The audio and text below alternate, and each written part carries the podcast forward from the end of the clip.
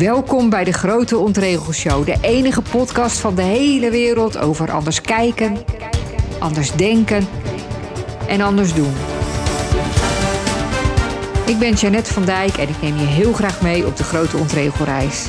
Want dan komen we waar we nog niet waren, maar waar we wel willen zijn.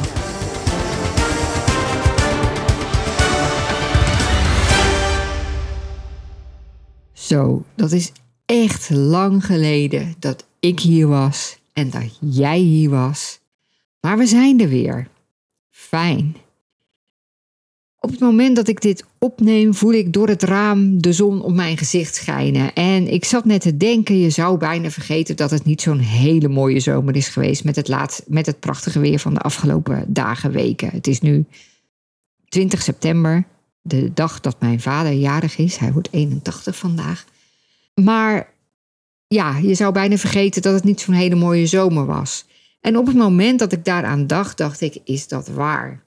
Toen dacht ik, nee, dat is niet waar. Want als ik toch achterom kijk, denk ik toch vooral, ik heb een mooie zomer gehad. En dat komt vooral omdat ik een heerlijke vakantie heb gehad met mijn jongste dochter. We zijn samen naar Rodos geweest. Nou, het was heerlijk om weer in Griekenland te zijn. Om dat echte vakantiegevoel te hebben. Om het mooie land te zien, de bergen, de baadjes, de mooie dorpjes, de ja, andere mooie dingen die je daar kan zien. En om heerlijk te doen waar we zin in hadden, om lekker te zonnen, lekker te eten, lekker te drinken, lekker te lezen. Dat hebben we ook gedaan. We waren allebei helemaal weg van het boek Where the Crawdads Sing. In het Nederlands Waar de rivierkreeften zingen. Als je nog een tip wil, uh, neem deze mee. Fantastisch boek waar je zo heerlijk in kan verliezen.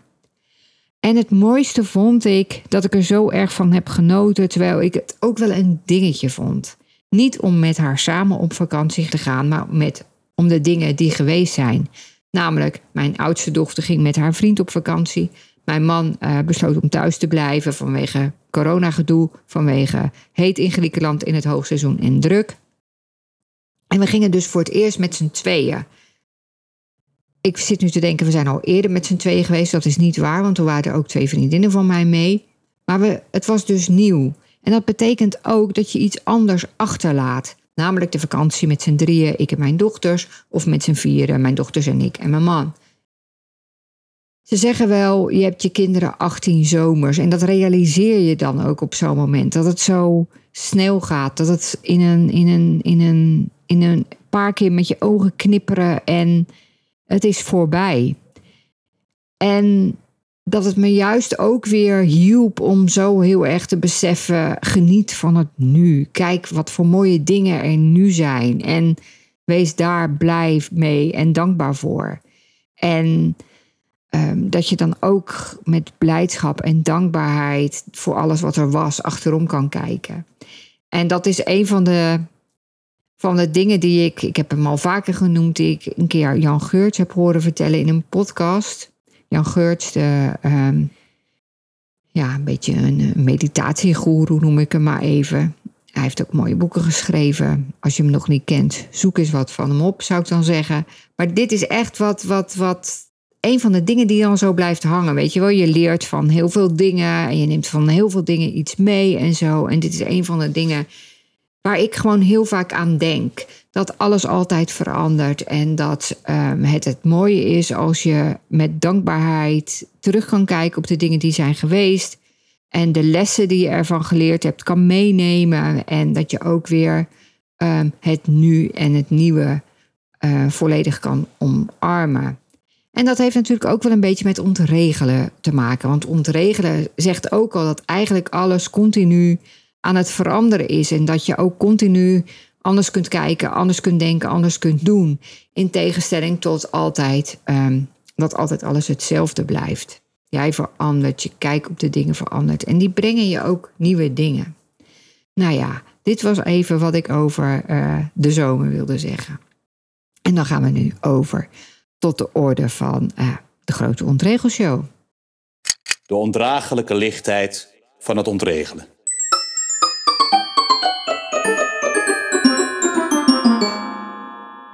De ontregeltip van vandaag is eigenlijk een hele basis ontregeltip. Namelijk dat je altijd, nou, Ja, dat je eigenlijk altijd een andere keuze hebt. En vandaag is mijn ontregeltip. Sta er eens bij stil of je de veilige weg wilt kiezen. Want de veilige weg is eigenlijk de meest gewone weg. We zijn gewend om de veilige weg te kiezen. En dat komt omdat ons ego ons graag op de veilige weg wil houden. Ons ego is erop gericht om ons veilig te houden. En die vindt elk zijpaadje, elke afslag, elke, elk ander pad een beetje eng, een beetje gevaarlijk. Want je weet niet wat je onderweg tegenkomt. Je weet niet waar je op uitkomt. Je weet niet hoe je je voelt als je die weg gaat kiezen. Je weet niet wat andere mensen ervan vinden. Je weet niet of het wel goed gaat, want misschien verdwaal je wel of struikel je over een kiezelsteentje. Ons ego helpt ons eigenlijk om continu voor de veilige weg te kiezen. En helpen is in dit verband eigenlijk een misschien wel niet helemaal goed woord. Want helpt ons ego ons ook? Ik weet het niet. Natuurlijk is het oké om voor de veilige weg te kiezen. Als je tevreden bent met wat je nu hebt. Maar als je ergens diep van binnen voelt dat je het anders wilt. Als je ergens diep van binnen een kleine of een grote droom hebt die je eigenlijk wilt verwezenlijken. Als je meer vrijheid wilt, als je gelukkiger wil zijn, als je rijker wil worden, als je meer je eigen weg wil gaan, als je een andere baan wil, een ander huis wil, um, een meer opgeruimd huis, als je een vriendschap hebt waar je moeite mee hebt. Als je een tattoo wilt zetten. Als je, nou, ik weet niet wat voor dromen, wensen, verlangens je eigenlijk hebt. Maar ik weet wel dat je soms, als je de veilige weg kiest, iets anders uit de weg gaat. En dat hoeft niet. Dat mag wel, maar dat hoeft niet. Dus de vraag is: kies je bewust voor de veilige weg? Of kies je voor de veilige weg omdat je dat nu eenmaal gewend bent? Of omdat je ego je heeft verteld dat dat prima is? Of voel je ergens diep van binnen een verlangen, een onvervuld verlangen? En durf je dan zo ontregelend te zijn om niet meer de veilige weg te kiezen, om niet meer op veilig te spelen, maar om te kiezen voor iets anders. En daarvoor is moed nodig. Daarvoor is moed nodig om dingen los te laten, om de veilige weg te verlaten en het onbekende pad te kiezen. En dat kost je wat, maar ik weet ook zeker, ik weet niet ook zeker, ik weet zeker dat het je heel veel gaat opleveren. Dus als jij nog een droom hebt, een verlangen, een wens en je kiest steeds voor de veilige weg, dan gun ik je om vandaag of morgen, maar echt te kiezen voor die andere weg. Ja, wat ik zei, het is een keuze en er is moed voor nodig. En het begint al met de moed die nodig is om te kijken: is er iets diep in mij dat het anders wil?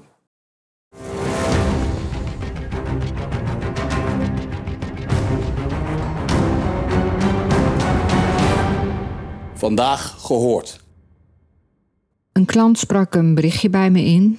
Dat kan als je klant bij me bent. Dan heb je uh, op werkdagen 24 uur per dag toegang tot mij. Dat betekent je kunt een vraag of een dilemma of iets achterlaten.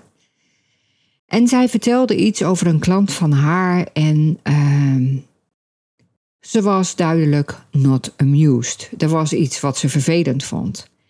En in wat ze insprak, probeerde ze steeds haar boosheid te verbergen. Zei ze bijvoorbeeld dingen zoals: Ja, nou ja, ik bedoel het niet zo. En ze maakte steeds haar. haar ehm, ja, ik wil niet bij de ander leggen. En ik wil. eh, Ze was aan het worstelen om het heel neutraal in te spreken. En ondertussen was ze aan het vechten tegen haar irritatie of boosheid of zo. En ik zei tegen haar: Volgens mij ben je een beetje boos. En toen zei, gaf ze dat toe.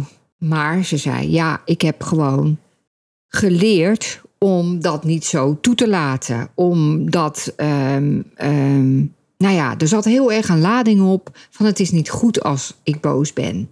Dat mag niet. Ik moet alles heel redelijk bekijken. Ik moet het vanuit haar bekijken. Ik moet kijken wat, er, wat, wat, wat voor behoeften zij heeft en hoe ik dit kan oplossen. Maar ik moet er niet boos over zijn, want dat is niet goed. Nou, ik denk helemaal niet dat dat niet goed is. Boos blijven is wat anders. Maar ik geloof dat emoties, goede en slechte emoties, ook een functie hebben. Dat zij boosheid voelde, betekende dat er iets niet goed zat in, tussen haar en haar klant. En daar kon ze eigenlijk alleen, kon ze daar een oplossing voor voelen, omdat voor, voor gaan zoeken, omdat ze voelde dat er iets aan de hand was. Het was eigenlijk een soort wake-up signaal. En ik vertel ook altijd tegen mijn klanten: als je iets voelt van een, een emotie, een ongemakkelijkheid, een, een oordeel, dan sta daarbij stil. En kijk, onderzoek wat dat is. En zo kan het bijvoorbeeld ook zijn dat mensen iets niet doen, steeds maar iets niet doen. En pas als ze de emotie daarachter kunnen ontdekken, bijvoorbeeld dat het angst is of weerstand, dan kunnen ze er wat aan gaan doen om het ook op te lossen. Ik las ook in de vakantie het boek De Creatiespiraal van Marinus Knopen en die schrijft daar ook over.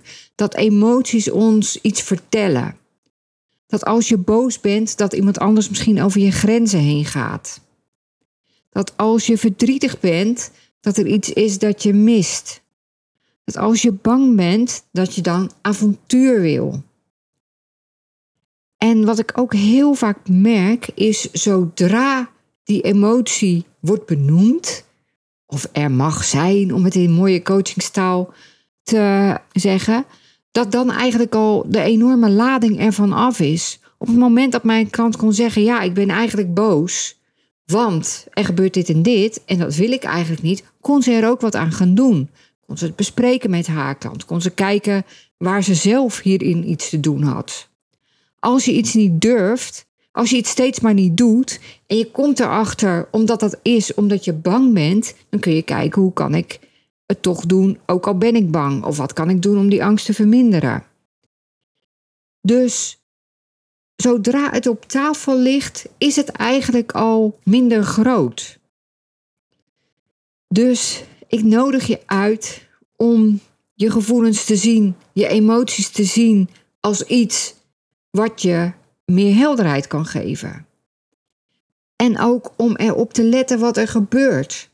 Want je emoties, die brengen je ook in een bepaalde stemming. Dus als je bijvoorbeeld tegen jezelf een heel negatief verhaal vertelt. en je voelt dat je, dat je, dat je, dat je er ongelukkiger of somberder van wordt. of pessimistischer. dat je dan kan kijken naar. Maar welke gedachten zorgen ervoor dat ik dit gevoel krijg? Maar dan moet je je eerst bewust zijn van dat gevoel. En dan kun je bijvoorbeeld ook voor andere gedachten kiezen die je weer een ander gevoel geven. Dat kan, hè? Dat kan gewoon. Ik merkte zelf pas dat ik onverschillig werd over iets. En toen, en toen ontdekte ik weer, ja, als ik onverschillig word, dan ga ik uit verbinding. Terwijl ik eigenlijk wel verbinding wil. Dus dan heb ik liefde nodig.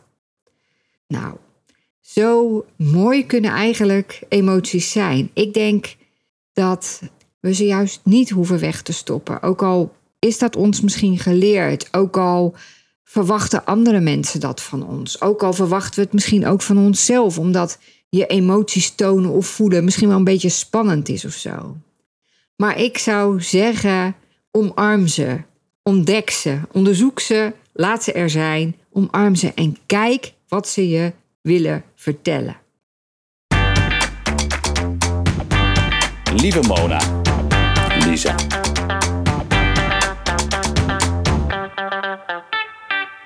Lieve Mona, Lisa. Nu ik wat ouder word, merk ik dat om me heen heel veel mensen bezig zijn met het verbeteren van hun uiterlijk. Ehm, vriendinnen van mij gebruiken botox, filters, uh, laten dingen verbouwen aan hun gezicht of aan hun lichaam. En ja, ik vind dat zelf een beetje een moeilijk onderwerp en ik vroeg me af, hoe denk jij erover? Ik vond het heel erg grappig. Ik, Mona Lisa, uh, lieve Mona Lisa, vond het heel grappig dat ik deze vraag kreeg. Want daarover is mijn mening ineens helemaal veranderd. Ik vind dat iedereen moet doen wat hij wil. Dus ik heb helemaal geen oordeel over mensen die uh, botox nemen, filters nemen. Um, ik vond het alleen altijd niet zo nodig. Ik dacht, waarom willen mensen dit? Willen ze hun ouder worden ontkennen? Waarom uh, hechten ze zoveel waarde aan hun uiterlijk? Zijn ze misschien onzeker? Ik had er eigenlijk wel, ik vond er niks van, maar ondertussen had ik er toch wel allerlei oordelen over. Ik heb zelf mijn oogleden laten liften een tijdje geleden, een paar jaar geleden. En ik ben daar nog elke dag blij om. Nou was het ook zo dat ik bijna over die dingen struikelde. Dus uh, het was ook niet zo gek dat ik dat deed. En uh, ja, ik heb er nog steeds heel veel plezier van. Ik zie aan elke foto zie ik dat ik het heb gedaan. En ben ik blij, want ik stond toch op alle foto's, zeker als het een beetje zonnig was, stond ik ongeveer met mijn ogen dicht. Uh, terwijl ik dacht dat ik ze open had. En uh, het grappige was, toen ik het had gedaan, toen zei mijn schoonmoeder, elke keer als ik haar daarna zag, zei ze, wat ben je mooi opgemaakt. Heb je dat zelf gedaan? En dan zei ik, ja, ik heb dat zelf gedaan. Nee, ik, heb, doe, ik doe het nog steeds precies hetzelfde als eerst. En ongeveer na de vijfde keer of zo dacht ik, oh, ik snap het. Het zijn mijn ogen die er anders uitzien. Daardoor is mijn make-up gewoon mooier. Maar goed, ik dacht, ja, dit is een soort, ook een soort iets wat de natuur mij heeft gegeven. Dat die dingen, ja, wat valt er ook weer heel hard naar beneden? Ik weet het niet, maar zo hard naar beneden vielen. Ja, dat, dat kon niet anders dan gerepareerd. Uh, dan, dat had gewoon een reparatie nodig. Maar van de rest dacht ik, dat ga ik allemaal nooit doen. Want, om al die redenen die ik daarvoor hoorde. Maar soms zijn er van die zinnen of opmerkingen die als een kwartje vallen en daardoor ja, je hele leven veranderen of je mening veranderen. En ik hoorde Helene van Rooyen iets zeggen, of ik las het in een interview, denk ik.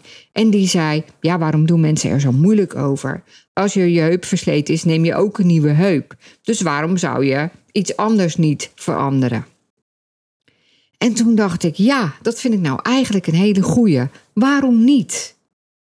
Als je nou beter uitziet, omdat je. We gaan ook naar de kapper. Om ons haar te knippen. We kleuren ons haar als we nog geen grijs haar willen.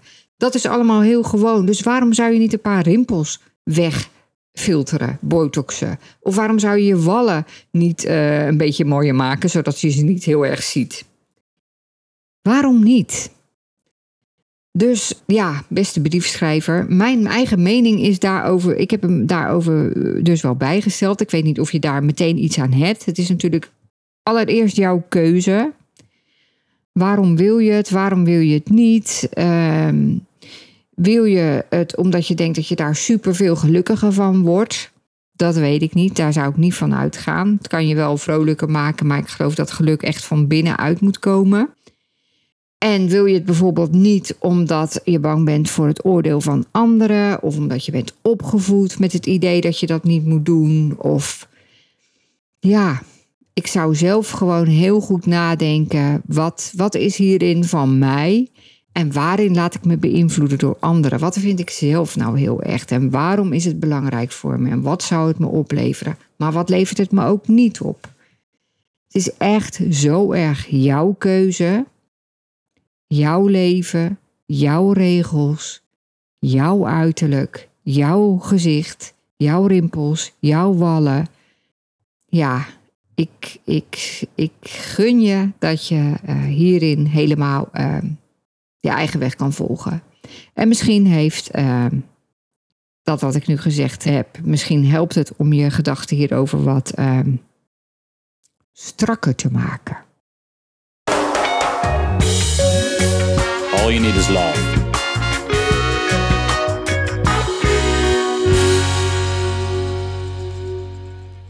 Ik las ergens de zin: mensen die kunnen vergeven zijn gelukkiger.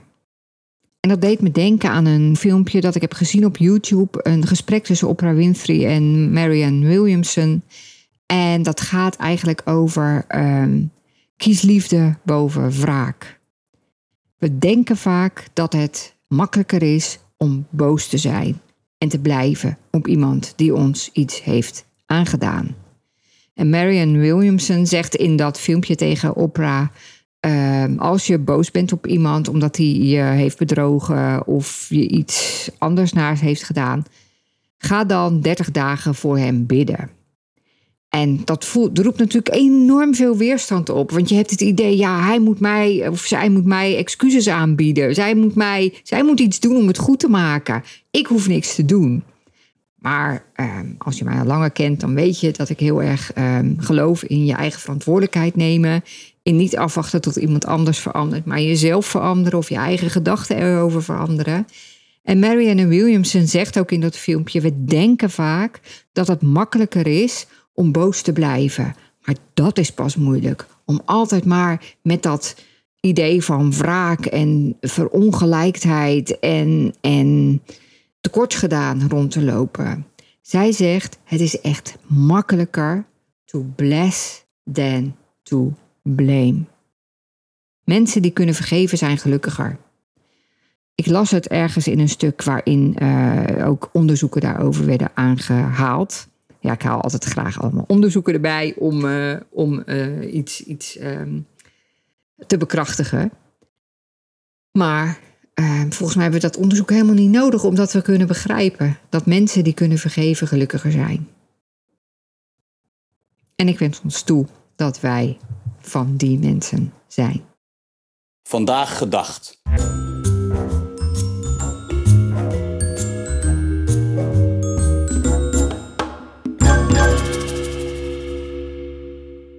Ja, ook deze, uh, dit onderwerp zou je kunnen rangschikken onder het kopje All You Need Is Love.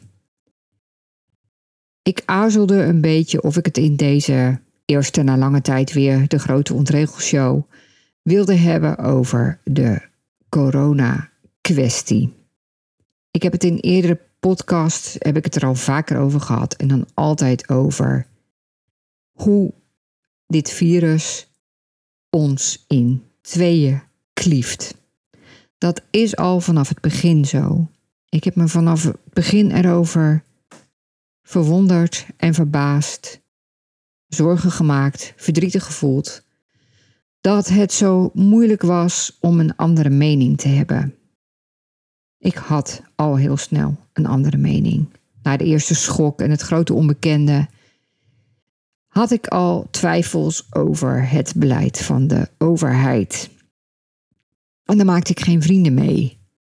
Want je kwam al heel snel in het kamp van wappie, complotdenker of onverantwoordelijke.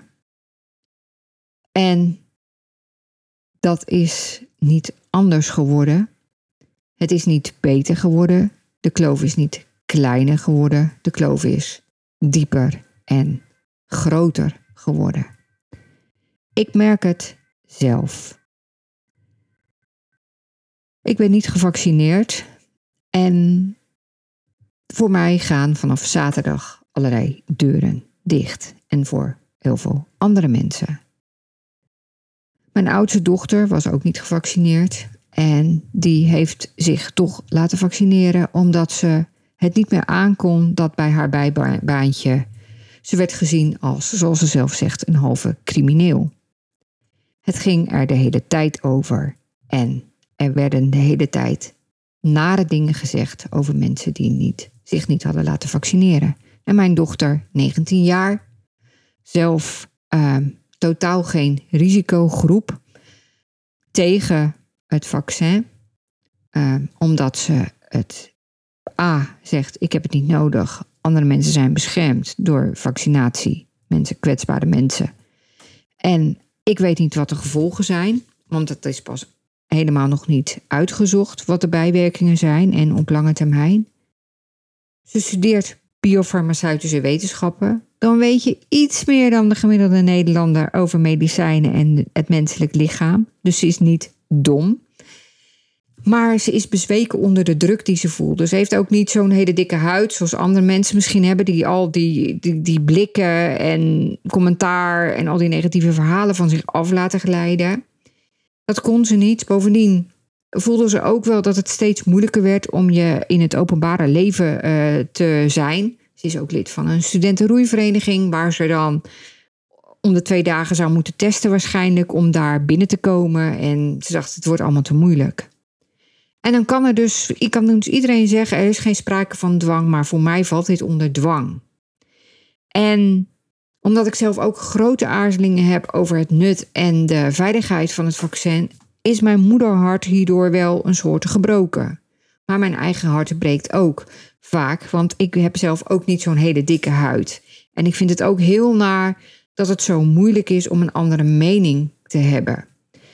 En nu weet ik dat alle andere mensen die heel erg geloven in het nut van vaccins, die geloven dat je het virus niet kan verspreiden of veel minder kan verspreiden als je gevaccineerd bent, dat het voor hun ook moeilijk is in zich te verplaatsen in mij.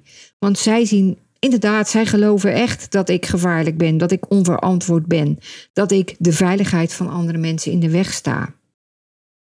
En ik begrijp dat mijn waarheid een onwaarheid is vanuit hun, zoals hun waarheid voor mij een onwaarheid is. Alleen, hoe tolerant zijn we als we de mening van anderen niet meer kunnen verdragen? Als we die stoppen in de hoek van wappie, halve crimineel, vijand. Als we niet meer naar elkaar luisteren, maar er meteen op inhakken. Als we niet meer vragen aan elkaar, maar waarom denk jij dit? En als we niet meer naar elkaar luisteren, als we onze nieuwsgierigheid en onze betrokkenheid verliezen. Als er, zoals mijn dochter zei, alleen maar dat andere verhaal mag worden verteld. Als het met z'n allen tegen één wordt, of met z'n allen tegen weinig. Als je meteen als hersenloze wordt afgeschilderd. En misschien doe ik dat nu ook, hè? Misschien schilder ik nu alle andere mensen af als, als met z'n allen één kamp kiezen en met z'n allen inhakken op andere mensen en met z'n allen arrogant zeggen dat de rest wappie is. Misschien doe ik dat nu zelf ook. Ik wil ook mezelf wakker schudden om niet te oordelen, om te luisteren naar andere mensen, om te proberen te begrijpen wat ze beweegt, waar zij zich zorgen over maken, wat voor hun de waarheid is en om een ander te respecteren om zijn standpunt.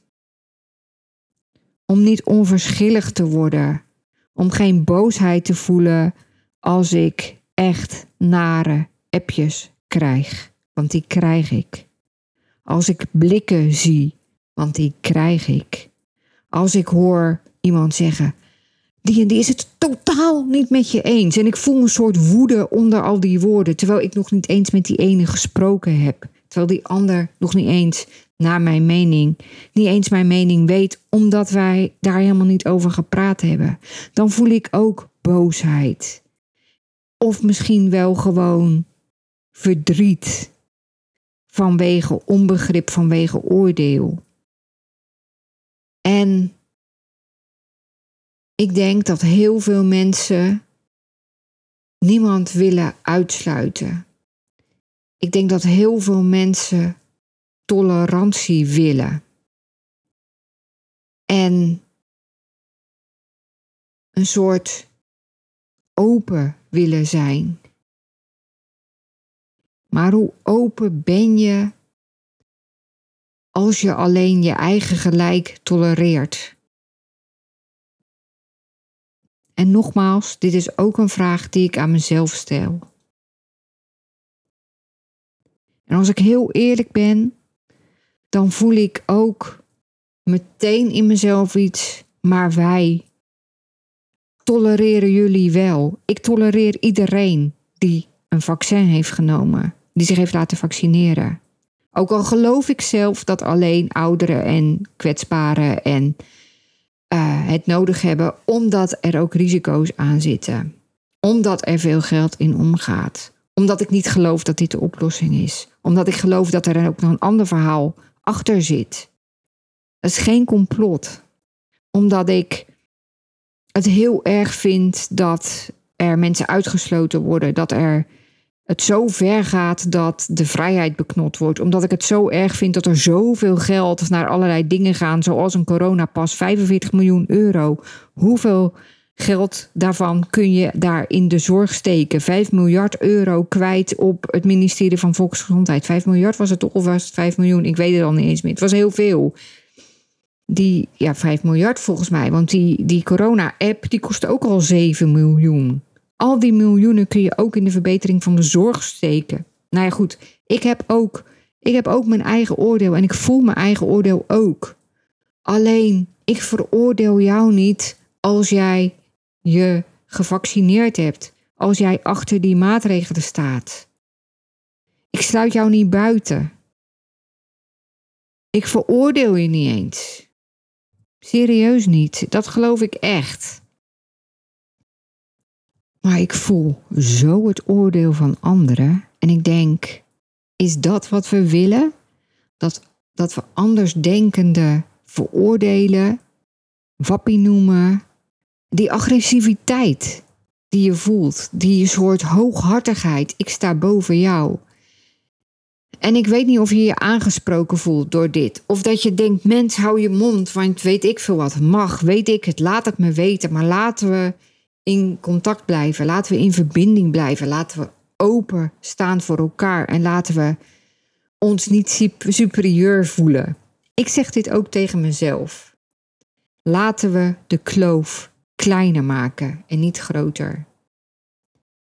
En laten we niet een gesprek voeren vanuit, maar ik heb gelijk en ik ben de enige met de waarheid. En dat als iemand een andere waarheid heeft, dat we er dan meteen bovenop springen met ja, maar ik vind dit, ik vind dit, ik vind dit en zo, zo en zo zit het. In plaats van dat we vragen stellen. Einstein die heeft iets gezegd van we moeten altijd vragen blijven stellen. En ik weet niet precies in welke zin hij dat bedoelde. Misschien om, om weet ik het, wetenschap, wetenschappelijk onszelf te blijven uitdagen of zo. Maar ik zeg het om samen als mensen niet verder van elkaar verwijderd te raken. Blijf vragen stellen. Waar ben je mee bezig?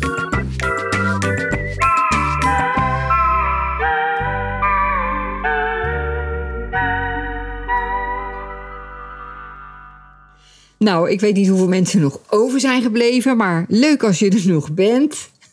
Ik gooi er even een andere toon in even. Ehm, ja, ik ga even vertellen wat ik, uh, waar ik allemaal mee bezig ben. Nou, het was stil in de Grote Ontregelshow. Die podcast heb je een tijdje gemist. Maar ondertussen heb ik wel 50 podcastafleveringen gemaakt van Holland's Next Topcoach. 50 afleveringen met tips en gedachten en andere dingen over coaching. En dingen die je ook vaak in het gewone leven kunnen kan toepassen. Want dat is mijn adagium eigenlijk heel veel dingen die je in coaching leert, die, die, die, die kun je zo toepassen op je uh, gewone leven. Nou ja, daar is het natuurlijk ook voor. Dus van harte aanbevolen als je uh, geïnteresseerd bent in uh, ja, ontwikkeling. Holland's Next Topcoach. Nou, verder ben ik nog ehm, met heel veel plezier uh, klanten aan het coachen die business coach zijn of een andere coach zijn en mensen helpen om te veranderen en daarvoor beter willen coachen of nog beter willen coachen. Het is super leuk. Ik heb echt de leukste klanten. We hebben heel veel, um, er gebeuren heel veel mooie dingen. We hebben heel veel plezier. Mocht je interesse hebben, kijk op mijn website, vraag een call aan. Ik vind het heel leuk om met je erover te praten. En wil je een beetje een voorproefje van hoe dat nou is om dat te doen? Vraag dan de introductieles aan hoe je je gesprekken, je coach, coachingsgesprekken nog waardevoller en effectiever maakt. Ik heb daar een video over gemaakt, zodat, zoals ik ook videoles maak voor mijn klanten, een beetje in die sfeer. Wat ik al zei, dan kan je kennis maken met die manier van werken, maar ook aan die les heb je al heel veel. Geef er heel veel waarde in en die je meteen kan toepassen en die je, um, ja, die je calls echt waardevoller, effectiever maken en ook ervoor zorgen dat ze je minder energie kosten en ze je meer plezier geven in het coachen. Kijk ook op mijn website of stuur even een mail als je hem wil hebben. Uh, je kunt dan ook mede naar Vicky. Dat is uh, mijn nieuwe uh, virtual assistant. Maar uh, ik vind haar meer dan dat, want ik kan ook lekker even met haar sparren. En ze maakt alle dingen mooier, beter en makkelijker voor mij en voor de klanten. Dus uh, ik ben super blij met haar. Ik vind het echt super leuk dat ze er is. Ik heb ook een beetje een nieuwe huisstijl. Die is gemaakt door Viraya van Duren. Ben ik ook heel blij mee. Dus ja, ik ben eigenlijk wel heel blij met hoe alles gaat en hoe alles loopt.